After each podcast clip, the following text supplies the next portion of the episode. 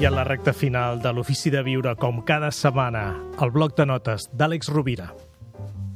Hola, Gaspar. Doncs un breu apunt en aquest bloc de notes per comentar alguna de les uh, qüestions que crec que són més rellevants sobre el veganisme, però que en gran part han estat dites i molt ben dites. No? Penso que hi ha molts arguments, si més no, per uh, conèixer aquest univers, aquesta pràctica i veure'n les bondats. Um, D'alguna manera, els motius són ètics, no? I els animals són éssers que senten i tot el patiment i la mort eh, que suposa el seu consum eh, en aquells que els estimem profundament ens, ens afecta molt, no? I en gran part ignorem tot el procés. Nosaltres comprem la safata amb la carn tallada, però tot el que hi ha abans cal de vegades informar-se i veure-ho perquè pot esfereir. Els motius ambientals són molts, no? la sostenibilitat i la, del cara a la sostenibilitat, l'agricultura intensiva té impactes en quant a la pèrdua de biodiversitat, els fertilitzants, els plaguicides, els herbicides, els fungicides, doncs eh, tenen molts impactes eh, dels quals tampoc no en som conscients, però que si, si tenim informes et posen la pell de gallina.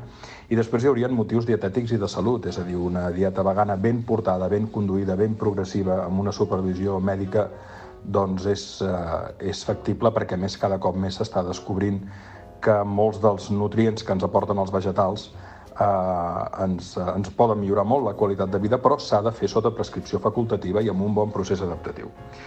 L'únic, però, és que Sembla, segons darrers estudis i diversos estudis, que les plantes també senten i que també els vegetals, les plantes, els arbres eh, tenen una mena de comunicació que ara s'està descobrint.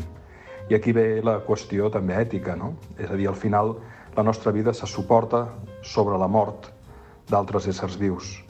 En qualsevol cas, penso que el que és important és informar-se rigorosament i mirar-ho com, com una opció de vida general, ètica, ambiental, dietètica eh, i fins i tot estètica, perquè probablement en el futur mm, no serà sostenible. Aquesta cadena de consum a partir del, dels animals, amb tot el que suposa, amb el seu patiment, amb l'explotació, etc, probablement no serà sostenible i haurem d'anar en un futur no només més sobri, sinó més solidari, més conscient i, sense cap mena de dubte, més ecològic.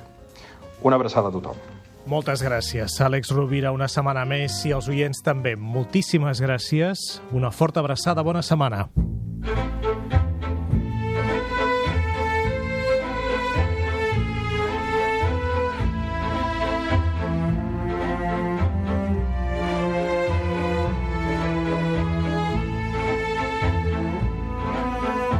L'Ofici de Viure és un programa que dirigeix i presenta Gaspar Hernández i guió i coordinació d'Elisabet Pedrosa.